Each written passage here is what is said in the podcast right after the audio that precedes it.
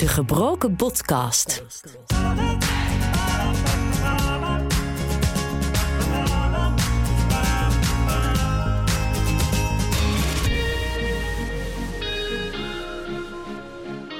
Welkom en leuk dat je luistert naar de tweede aflevering van De Gebroken Podcast. Ik ben Michael en in deze podcast neem ik je mee in mijn revalidatieproces. Met deze week. Op een gegeven moment, zoals nu, kom ik vanzelf ook uh, van de bank af. En dan staan we weer.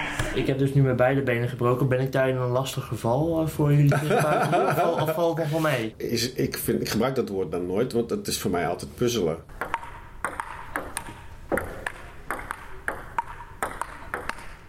als je had gevoeld zoals een tijd terug, een Ja. paar jaar geleden, dan denk ik persoonlijk dat je hier nu niet zo had gezeten. Zes weken geleden heb ik botbreuken in beide benen opgelopen. En daarom verblijf ik nu in revalidatiecentrum De Hoogstraat in Utrecht. Om zo dus weer letterlijk op de been te komen. Vorige week heb ik mezelf geïntroduceerd. Deze week geef ik je een eerste inkijkje in mijn therapieën.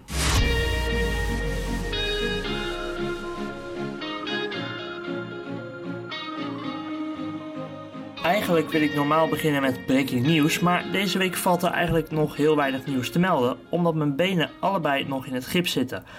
Deze week zijn we op dezelfde manier doorgegaan als hoe we de therapieën vorige week gestart zijn. Zo krijg ik vrijwel dagelijks fysiotherapie van mijn therapeut Kim Schwab.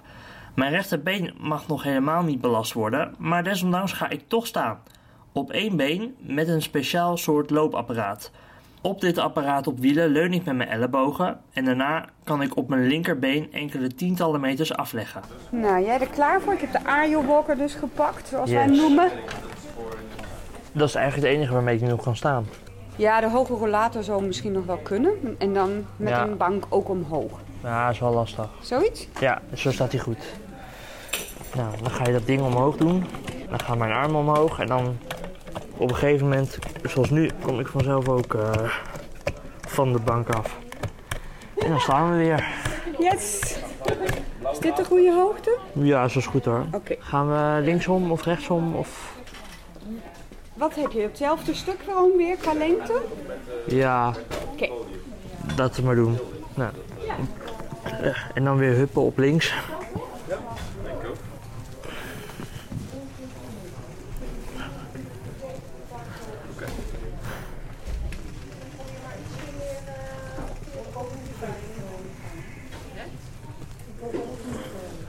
Zo, de eerste keer gaat altijd wel makkelijk. Ja, ja.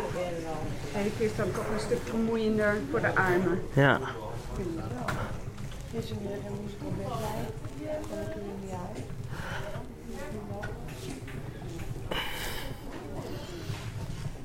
Zo, nou. Halverwege. Nou, we zijn er al bijna. Maar het is een rondje van, wat zei je, 20 meter ongeveer. Zo, Beetje klein. staat niet helemaal recht. Wacht even. Dan laat ik je zakken. Ja. Top. Het is wel raar met dat ding, want eigenlijk ik zou, ik zou een stuk verder kunnen, maar omdat ik op mijn armen moet leunen, mijn armen trekken dat gewoon niet zo lang. Nee, nee. Dus eh En je moet toch tussendoor echt op je armen leunen om te huppen. ja, Dus het kan niet anders. nee. Nog een paar dagen. Hopen Ja, volgende week donderdag, dan mag het eraf, het gips. Wil je dan, ja, dat ligt natuurlijk een beetje aan wat de dokter zegt, eh, hè, maar wil je dan gelijk vrijdag meteen maar gewoon eh, eh, gaan staan lopen dingen of gewoon eerst proberen om even rustig te staan of zo? Nou, we kunnen of, we moeten natuurlijk kijken wat je mag. Hè? Ja. Van, mag je al iets steunen op je rechterbeen? Mag je Waarschijnlijk half? wel. Maar dat moeten we gewoon echt Ja. aan de hand van de controle. En dan kunnen we of zeggen, we gaan proberen bij de brug te gaan staan. Maar we kunnen ook zeggen, we gebruiken de eerste keer nog een keertje de Ajo Walker. Ja, Maar dan op beide benen. Ja, Dus dat je nog niet helemaal zelf omhoog hoeft te komen, maar toch nog net een beetje hulp hebt om omhoog te komen. ja, Omdat op je rechterbeen is het natuurlijk toch wat zwakker geworden. ja. Ook al zijn we hard aan het oefenen om dat eh, zo min mogelijk te laten Ik vraag me ook af met zo'n voet. Ik, bedoel, die- ik heb die voet gewoon zes weken helemaal niet gebruikt. Kan, bedoel, kan je daar dan wel gewoon zomaar op gaan staan? Ja, niet met je volle gewicht. Dat moet je echt gaan opbouwen. Niet dat je, want dan zag je er zo weer doorheen. Als je dan gelijk volop gaat staan. Nou ja, we verwachten natuurlijk ook dat je nog iets eromheen hebt. Hè? Omdat Ja, dat wel. jouw voeten dan toch een andere stand hebben ook. En omdat die echt geluxeerd is geweest. Ja, Moet je dus dat uit de echt kom. nog wat... Ja, uit de kom inderdaad. Moet je hem toch denk ik nog wat ondersteunen. Dus Ja. ik ben benieuwd waar je mee terugkomt eigenlijk. Ja, ik Vanuit ook. het ziekenhuis. Nee, dat zien we, zien we volgende week. Ja, Fysiotherapie is dus hard nodig, maar daarvoor moet je wel concrete doelen hebben om naartoe te werken. En dat doe je bij ergotherapie. Een ergotherapeut helpt je met het oppakken van dagelijkse handelingen. Kort gezegd heb ik vier doelen. Zo wil ik weer eh, naar mijn werk kunnen. Ik wil vrienden op kunnen zoeken. In het huishouden moet ik weer kleine dingetjes eh, kunnen doen. En ik wil weer heel graag naar voetbalstadions kunnen. Voetbal eh, vind ik hartstikke leuk. En ik probeer meerdere keren per jaar wel naar het stadion te gaan. Bijvoorbeeld naar mijn club Feyenoord. Maar ook hoop ik op 1 februari 2020, dat is dus over een maandje of zeven, eh, naar de voetbalwedstrijd Borussia Dortmund tegen Union Berlin te kunnen. Dus eh, dat zijn de vier doelen die ik heb. En eh, mijn ergotherapeut Frans Veldman legt uit hoe we die doelen gaan bereiken. Nou ja, het huishouden is hier het allermakkelijkst. Ja. Want dat, dat, dat ligt hier letterlijk voorhanden. Hè? Dus dan kunnen we al die dingen die je in principe altijd gedaan hebt... weer eens gaan, eh, gaan proberen van... Hey, op wat voor manier zou ik dat nu al kunnen gaan doen? Eh, stel, ik ben straks thuis en ik wil weer dat... wa- Wat kom ik dan tegen? Ja, En, en, eh, en dan is het aldoende gaan kijken wat er kan. En of het dan misschien net als met zo'n helping hand... misschien hier en daar ook nog wel met een, eh, met een hulpmiddeltje of zo. ja, Ehm, en terwijl je dat doet, dus niet alleen maar kijken naar wat is mogelijk en, en misschien wat, wat nog niet en kan misschien op een andere manier, gaat het ook over hoe pas je toe wat je op dat moment eh, hebt afgesproken en of geleerd bij de fysiotherapeut. Over hoe kan ik staan, eh, waar zet ik dan mijn voeten neer, Ehm, moet ik heel voorzichtig zijn of juist niet. Eh, dat zijn dingen die we daar dan meteen in meenemen. ja. Dus dan ver- ver- vergroot je dat belast, belastingopbouwproces en je past praktisch toe in, de, in, in, in, een activiteit. ja dus daar gaan we mee beginnen dan. Ja, dat is een van de dingen die we dan, Ja. dan kunnen doen. ja. En als het gaat over werk opbouwen, ja, ik, ik, eh, ik eh, ik- zeg maar, jouw, medi, eh, jouw media die kun je wel eh, hanteren, daar gaat het niet om. Nee. Dus dat gaat puur over, Ja, ja, je kunnen verplaatsen, autorijden, openbaar vervoer gebruiken. ja, En eh eh, autorijden en auto in en uitkomen. We hebben hier een soort oefenauto die, die, eh, die rijdt niet meer, maar dat, dat gebruiken we altijd om eens een keer zo die eerste transfers eh, te Ja. maken. Maar ja, uiteindelijk je, je, je, je pedalen weer kunnen gebruiken gaat toch over mobiliteit en over kracht. En Ja. dat, dat ligt vooral bij de fysio. Eh, maar wat ik ook nog wel eens doe met mensen is de bus instappen.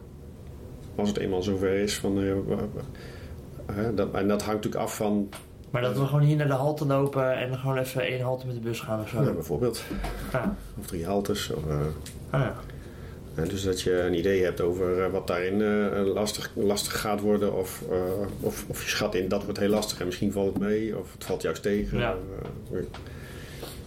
Mhm. maar dat, op, op het moment dat je zover bent, dat hangt natuurlijk ook af van ja, ja, hoe, hoe jij op dat moment zelf daar naar kijkt. Want sommige mensen die eh, merken op een gegeven moment, ja, het gaat alweer. Nou, dan, eh, eh, dan heb ik jou niet nodig om het uit te Nee. proberen. Dat kan nee, dus het is eigenlijk zo van, van we gaan die kleine huishoudelijke dingetjes, die kunnen we hier al gaan doen over een tijdje. En misschien dat qua verplaatsen ook een klein stukje. En dan eigenlijk de rest, dat komt dan daarna, op de lange termijn komt dat vanzelf wel. En uiteindelijk gaat dat Ja. nu in dit geval vooral over ja, weer afstand kunnen afleggen lopend. Mhm. Eh, en ja, als je dat lukt, ja, dat- ik, ik, Ja. daar kan ik een, een aandeel in zijn, maar dat is niet heel specifieke ergotherapie. Nee, ik heb, ik heb dus nu mijn beide benen gebroken. Ben ik daar in een lastig geval eh, voor jullie therapeuten? of, of valt het nog wel mee? Ik- lastig is, ik, vind, ik gebruik dat woord dan nooit, want het is voor mij altijd puzzelen. En, Ja, en, en, en ja, je hebt gewoon dan dus met meerdere aspecten tegelijk te maken, die, Ja. die, die op dat moment een rol spelen in wat wel en niet lukt. En, eh, en daarom is het zo, zo leuk om het te gaan doen. En dat, de- ik, vind- dat vind ik dus leuk, want dan Ja. ga ik puzzelen. En, eh, en, eh, en zijn- is een uitdaging. er zijn geen, eh, eh, geen standaard oplossingen meestal. Kijk, kan ik niet bij mijn voeten, dan is een helping hand iets wat heel erg voor de hand ligt. Ja. Maar, maar uiteindelijk ja, gaat het ook over een creatief eh, proces. Ja, En eh, kijk, als ik er nu afgelopen jaar zes of zeven zeg maar, vergelijkbare casussen ha- ha- had gehad, dan, dan ligt dat heel erg vers vooraan. En dan, maar het is meestal aldoende leren, ook voor mij. Ja. ja dus, het, maar, dus, maar het is meer een uitdaging voor je eigenlijk. Ik, ja, en dat vind ik leuk. Ja. Weet je, ik bedoel, ik- ja, dat, dat is toch eh, eh, een, een leuke uitdaging. Dus dan gebruik ik het woord lastig ook niet. Nee. Ik denk alleen maar, eh, ja. ik ben gewoon nieuwsgierig wat we tegen gaan komen. Ja. En het hangt juist ook zo heel erg af van hoe, hoe jij daar zelf eh, eh, je, je in beweegt, letterlijk. Mhm. En, eh, en wat je op dat moment bewust en onbewust gaat doen en wat voor reden je het doet zoals je het doet. En daarin bijvoorbeeld dus meenemen, ik heb het misschien altijd net even te veel van mezelf gevraagd en hoe ga ik dat dan nu net een klein beetje anders doen? Dat, Ja. ja. Mhm. Dus in die zin heb ik, heb ik heel erg veel zin om eraan te beginnen, maar ik ben gewend, het eerste stuk is echt dat herstel. Ja. En eh, eh, nou ja, weet je, to- dus, dus nu er is af en toe iets aan je rolstoel, dan kan ik net even iets bijsleutelen en, eh, en dan kan je een eerste advies voor bij eh, nou, Helping Hand en dan is het verder een beetje een soort van wachten. ja. Dat, dat is vrij logisch. Naast fysio en ergo is er deze week nog iets extra's bijgekomen, namelijk fitness. Twee keer per week ga ik een uur de gym in om allerlei lichte trainingen te doen. Krachttraining kan gevaarlijk zijn met mijn zwakke gestel door mijn OI. En daarom train ik vooral licht en op duurvermogen. Met sportinstructeur Abel ten Hoorn doe ik bovendien nog iets anders.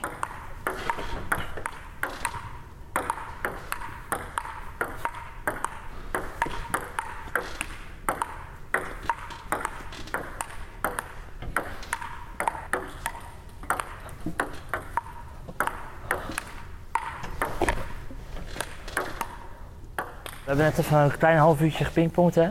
Tafeltennis. Tafeltennissen, ja. Ja, we moeten wel officieel zeggen natuurlijk, hè. Ja. Ja, misschien een hele rare vraag, maar oh ja, waar is dat precies goed voor? Hoe, eh, hoe, hoe, ja, hoe in zo'n revalidatie, zeg maar? Ja, ja, dat ligt natuurlijk in jouw geval. eh, Ja. Gaan we uit de elektrische rolstoel en zitten op een bank, waardoor je met je romp eh, veel meer eh, inspanning levert dan al je maar achterover zit in je, in, je, in je rolstoel. Dus je bent veel actiever, je rompspier wordt ingeschakeld, conditioneel is het, eh, en, en je handcoördinatie. Ja, dat, dat zijn dingen die, die we met, met, met zo'n potje tafeltennis proberen eh, te bereiken en te verbeteren. En niet onbelangrijk, het is ook leuk. Mensen, eh, ik zie je met een, Zeker. met een lach op je gezicht. En eh, dat is ook wat waard, denk ik, ook voor de rest van je revalidatie. Ja, zeker een beetje plezier af en toe. Ja, nee, dat is heel Ja. belangrijk. Hoe vind je het gaan? Absoluut. ik moet zeggen, de, de eerste keer dat we gespeeld hebben, dacht ik van, mooi, ja, dat wordt gewoon een baltje overtikken. Maar Ja. ik moet eerlijk zeggen dat we er nu al echt een spelletje van maken. Ja, leuk om te zien. eh. Ja, leuk om te horen. Nee, toen zat ik ook nog in de rolstoel Klopt, ja. Dus dan heb je ook weinig bewegingsvrijheid. Maar nu kon ik gewoon in feite eh, half over de tafel heen hangen. En, ja, eh, precies. En straks als je weer meer mag belasten op je benen, kun je je ook voorstellen dat we op deze manier staande kunnen doen. Waardoor je weer wat vertrouwen gaat krijgen. En heel on- onbewust weer gewicht gaat nemen op je benen en het balans trainen. Ja. Ja, leuk. nou, top. Dan gaan we de komende weken weer verder. Hey, heel goed. Gaan we doen.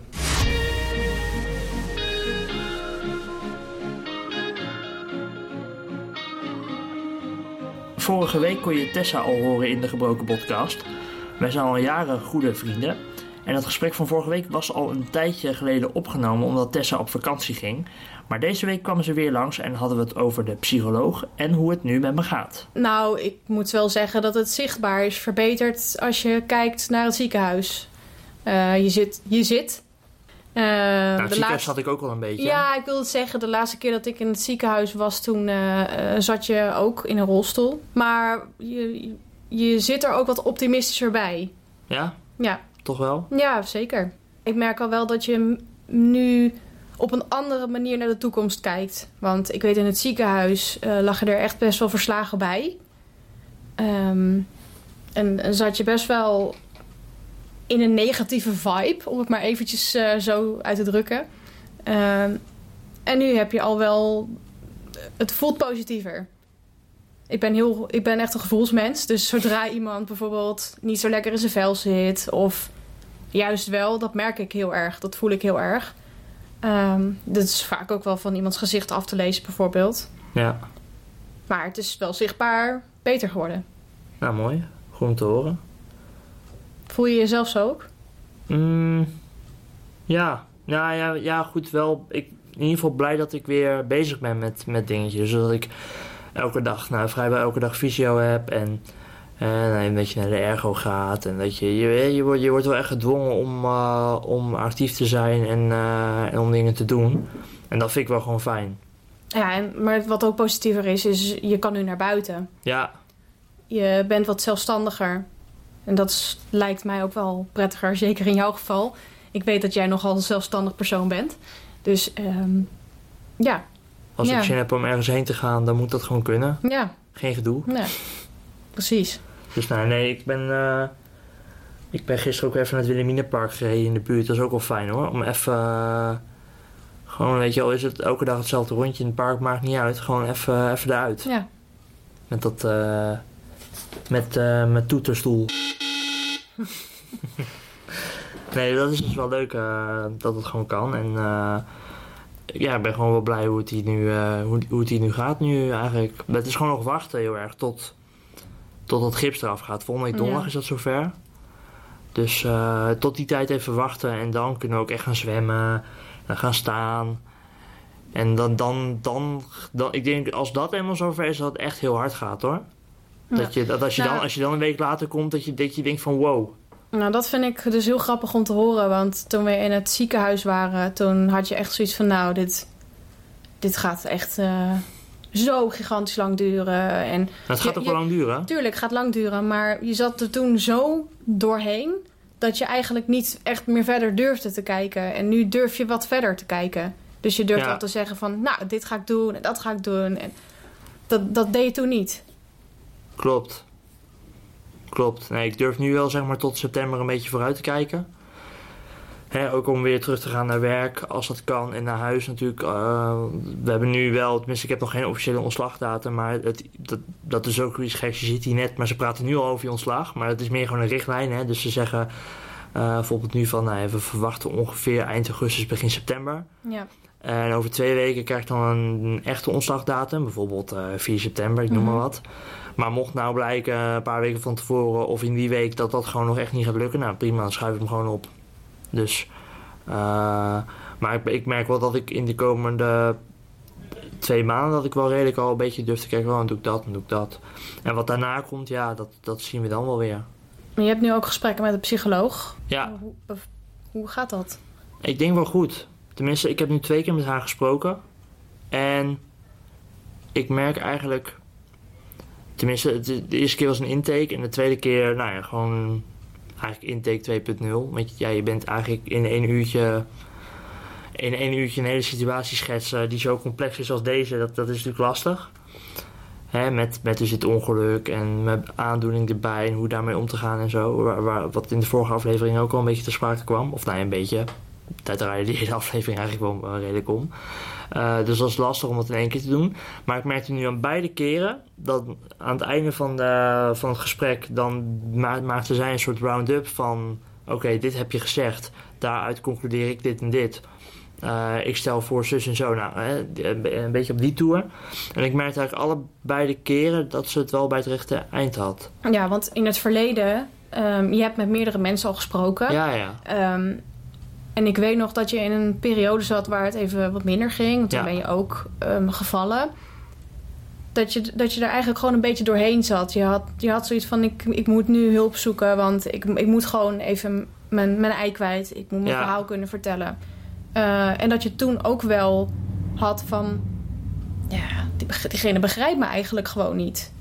Nou, Zo, zo voelde dat in eerste instantie. Want je, je had het er natuurlijk over. En dat, dat duurde even toen. Ja. Ik ben toen meerdere keren bij diegene teruggekomen. En ik had toen een jaar of drie geleden dat echt even wat minder ging. Dat was allemaal nog in de nasleep van het ongeluk van vijf jaar terug. Toen Ja. ik bij de armen brak en ook hier zat. Eh, maar dat ging even wat stroever in het begin. ja. Maar uiteindelijk is dat toen heel goed gegaan. Nou ja, en nu, eigenlijk de afgelopen twee jaar ging het eigenlijk super. En ging het steeds beter. En, en hè, bedoel, eh, ik heb leuke vrienden zoals jij. eh, eh, afgestudeerd, nou met werk hartstikke leuk. En eigenlijk ging alles voor de wind. En eigenlijk tot vorige maand eigenlijk. ja. Ehm, dus ik ben er toen wel helemaal uitgekomen uiteindelijk. Dus het is ook niet zozeer dat ik nu echt. neerslachtig ben. Maar het is, het, het is meer een soort wake-up call nu van... oh, wacht, ik heb nu best wel veel gebroken in de afgelopen jaren. Ehm, ik doe iets niet goed. Ik moet kijken hoe ik dit dan toch anders kan doen. Ja. Hoe ik gewoon een andere eh, balans kan vinden, zeg maar. En ik heb wel het idee dat die psycholoog dat wel redelijk begrijpt nu. Ja. Want... eh, ja, wat, waar, we het eigenlijk over, wat, waar we het eigenlijk over hebben gehad, is dat. ehm, dat, dat ik, waar ik dus heel erg bang voor ben, is dat al, ik ben al heel voorzichtig. Ik kijk met heel veel dingen uit. Maar ik ben bang als ik nog voorzichtiger ga doen, dat ik echt met een soort handrem erop ga leven. Hm. En dat ik dan voor mijn gevoel echt ge- niet, niet het maximale uit een dag kan halen. En dat ik dan dus eh, ja, misschien een beetje geïsoleerd raak. Ja. Daar ben ik een beetje bang voor. Hm. Dat ik jou en andere vrienden gewoon veel minder vaak zie. Dat het contact allemaal een beetje verwatert. En dat ik hem als een soort halve kluizenaar eindig of zo. En, ehm, maar wel, wel weer om te voorkomen dat ik over het randje heen kukel. En wat, ik, wat wij nu een beetje gaan proberen is om, te- kijken tussen met de handrem erop leven en over het randje heen kukelen. Voor mijn gevoel is er daar een heel dun scheidslijntje in. Maar eigenlijk is dat natuurlijk wel gewoon een beetje onzin misschien. Want de psycholoog zegt, waarom zou het een heel dun randje zijn? Dat kan ook een, een heel breed speelveld zijn waarin je nog alle kanten op kan. En dat moeten we de komende tijd een beetje gaan ontdekken. ja. En wat was er nog meer wat je wilde bespreken? Nou, niet zozeer anders bespreken, maar de psycholoog kwam wel met een opvallende conclusie waar ik het ook wel een beetje in kon vinden. Die zei namelijk van, toen we die afgelopen twee gesprekken hadden gehad, van er valt mij één ding heel erg op aan jou. Jij praat heel makkelijk, heel realistisch, heel neutraal over hele heftige dingen. Over dat ongeluk vijf jaar geleden. Heel nonchalant een beetje van, oh ja, ja, ja, ik viel van de trap, ja. En ik brak me bij de armen en toen kwam ik hier te zitten. En eh, ja, ik brak toen daar mijn knie. Oh, ik brak toen daar mijn knie. Eh, oh ja, ik ben van de barkruk gevallen. Op zo'n realistische, normale manier... dat ze eigenlijk zoiets had van... dat, dat ze ook eigenlijk zoiets had- van... eh, waar zijn je, waar zijn je emoties? Mhm. dat ze een beetje de vraag stelde die, die Thierry Baudet in dat ene debat aan Rutte stelde van eh, wanneer heeft u voor het laatst gehaald? Dat vroeg ze ook aan mij, bijvoorbeeld. En toen was ik wel gewoon eerlijk, nou dat was hier nog. Toen was ik wel gewoon eerlijk tegen haar en zei ik van nou dat was hier. Toen ik hier de eerste dag aankwam vond ik best wel heftig. Want je komt toch weer in een andere omgeving. Je hebt die verhuizing gehad. eh, hè, dat is best wel pittig natuurlijk. Eh, dus toen, toen werd het me allemaal even te veel. Maar ik voel me altijd heel ongemakkelijk als dat gebeurt. Ja. Dan heb ik altijd zoiets van, joh, hou op. Nou terwijl, ja, als, nee, maar terwijl als iemand anders het doet, als jij bijvoorbeeld, als jij bijvoorbeeld zou gaan huilen om, om iets ernstigs, dan zou ik denken, of zou ik zeggen, ah joh, kom hier, laat het lopen, weet je wel. En maar als het dan bij mezelf gebeurt, dan heb ik zoiets van, nee, dat doen we even niet, hè. Ja, nou het grappige is, ik ben, ik ben niet zo'n heel troostend type. Dus ik, ik ben niet zo heel goed in het troosten. Ik weet zelf niet zo heel goed wat ik moet zeggen, dus vaak zeg ik dan maar gewoon niks. Eh, of ik probeer wat te zeggen. Want in deze situatie, er is niks goed te praten. Nee, klopt. Dus dat is het ook gewoon. Er is niks goed Ja. te praten. En dat weet je zelf dan uiteraard ook. En het is vooral gewoon heel hard werken en een heel lang traject waar je weer in gaat. Ja, maar ik heb wel het Ehm. gevoel dat die, dat zeg maar, inderdaad die, dat die, dat die gevoelens een beetje uitstaan bij mij sinds dat ongeluk vijf jaar terug. Ja, ik denk het wel. Dat Want dat toen begonnen is. Je bent eh, best wel direct persoon. Eh, ook als er bijvoorbeeld een andere eh, situatie is, dan zou je het eerder omdraaien naar iets anders dan. Dus eh, stel dat ik een bepaalde situatie heb die heel vervelend is en dat, dat vertel ik dan, dan is het uiteindelijk. Ja, misschien kun je dat zo of zo doen. Maar dat doe ik dus niet bij mezelf. Nee, eigenlijk, ja. Hm. Ik vind dit heel lastig. Ja, Ik vind het heel lastig. Ehm, wa- want wat je, wat je bijvoorbeeld wel doet, is gewoon je bepaalde situatie, die vertel je wel. ja, Wat je meemaakt, vertel je. Maar ik merk wel dat je de laatste tijd wel wat vaker zegt dat je er een beetje doorheen zit. Bijvoorbeeld. Dat ja, bedoel je sinds juni, eh, sinds het ongeluk. ja, Ja. dus dat je wel wat vaker aangeeft van ja, ik voel me nu zo kloten. Ja, En dat was in eerdere situaties niet zo heel vaak. Je hebt Nee. wel zo'n periode gehad, maar je, Ja. ja. je, je bent niet zo, je, ja, zo ben je niet echt. nee. Terwijl ik denk dat het wel goed is om dat af en toe te doen. Nou heb ik toch nog iets geleerd de afgelopen vijf jaar. Al moet ik zeggen dat ik. Ik ben wel de persoon waar je dat gewoon aan kwijt mag. Ik ben alleen niet de persoon die dat soort dingen op kan lossen. Nee, Of- maar dat weet ik. Maar dat, dat, Ehm. geldt, dat geldt niet alleen voor jou, dat geldt ook voor mijn ouders bijvoorbeeld. Ja. Ik zou, ik zou jou bijvoorbeeld niet kunnen adviseren in dingen, want Nee. ik weet het gewoon niet. Zo, ja, zo Logisch. simpel is het eigenlijk. Ja. Maar wat ik dus net vertelde en zo, wat die psycholoog wil gaan doen en zo. En dit, wat, hoe, hoe, hoe kijk jij daarnaar? Ik vind dat wel goed. Ja? Ja. Ik denk het ook wel. Ik sta er veel beter voor dan vijf jaar geleden, gewoon qua gevoel. Want toen was, dat, was zo'n situatie ook helemaal nieuw voor me. Ja, ik denk dat als, ehm, als je had gevoeld zoals een tijd terug, een Ja. paar jaar geleden, dan denk ik persoonlijk dat je hier nu niet zo had gezeten. Dan had ik waarschijnlijk Dan- deze podcast ook niet gemaakt. Nee, maar dan had je niet zo hier Nee, met een lach op je gezicht gezeten. Nee, of, klopt. ehm, Ja. Dan had je waarschijnlijk misschien op je bed gelegen, bij wijze van spreken. Of, Wellicht. eh, of in een hoekje. ik noem maar even wat. net. Het is een hele hou slechte... je in een hoekje, lekker. eh, Ja. Het is, een, eh, Ja. het is niet zo'n hele goede omschrijving. ik snap wat je bedoelt. maar ehm, het, het is ook niet echt een situatie die Ja. je heel goed kunt omschrijven. nee, heel moeilijk. Nee, maar ja. En niet te vergelijken. Nee, nee, nee, nee, maar ik denk inderdaad wel dat ik er. Hè, ik bedoel, dat het de laatste twee jaar goed met me ging. Dat is nu ook nog zichtbaar. En ik denk alleen gewoon dat het inderdaad dat ik me gewoon weer wat bewuster ben geworden van die aandoening, van het OI. Ja. En dat we daar gewoon de komende tijd gewoon hard aan moeten werken. ja, dat denk ik ook wel. Ehm, En dat daar dan die, die gevoelens als het ware, die je dan weer aan moet zetten, dat, eh, dat, dat, dat dat eigenlijk gewoon ook misschien wel het belangrijkste is om, dat, om die balans en die acceptatie te vinden. Ja, want die balans is voor jou, ehm, als ik dat mag zeggen, soms gewoon echt wel heel erg lastig.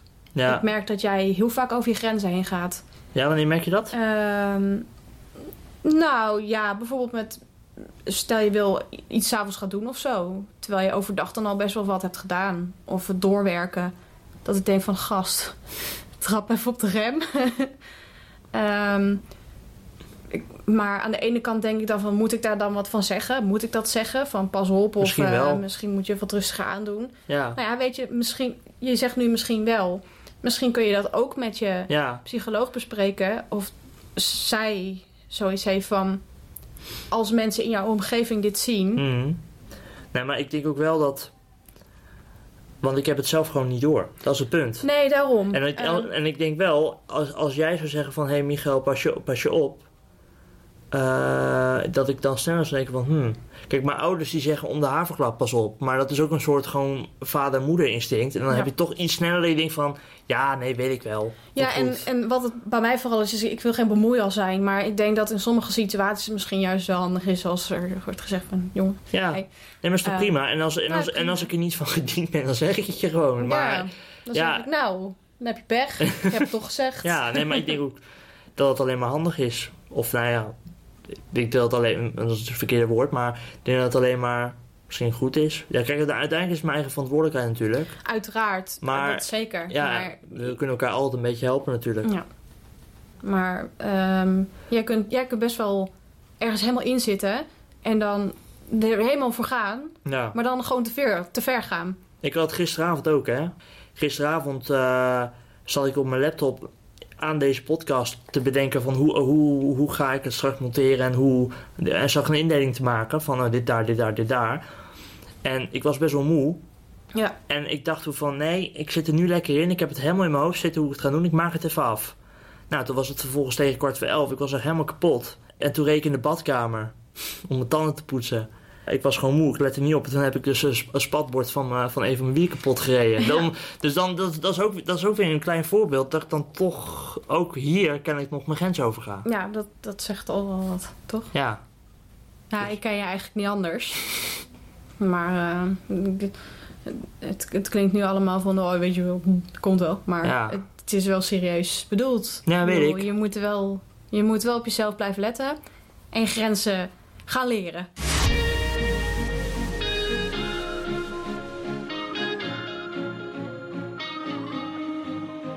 Al met al kijk ik positief terug op deze week, want voor mijn gevoel zit ik op het juiste spoor. Ook andere vrienden en familie die langs zijn gekomen vinden dat ik er steeds beter bij zit. Ze hebben er alle vertrouwen in dat ik de komende weken hier en de maanden daarna goed aan mijn herstel kan werken. En uh, nou, dat vertrouwen heb ik zelf eigenlijk ook wel. En daarmee zijn we aan het einde gekomen van deze aflevering van De Gebroken Podcast. Komende week gaat mijn gips eraf en dat betekent dat ik hopelijk intensiever aan de bak kan. Of dat ook echt zo is, hoor je volgende week in De Gebroken Podcast. En wil je me in de tussentijd blijven volgen? Dat kan via Twitter, Michael dus Michael Tot volgende week.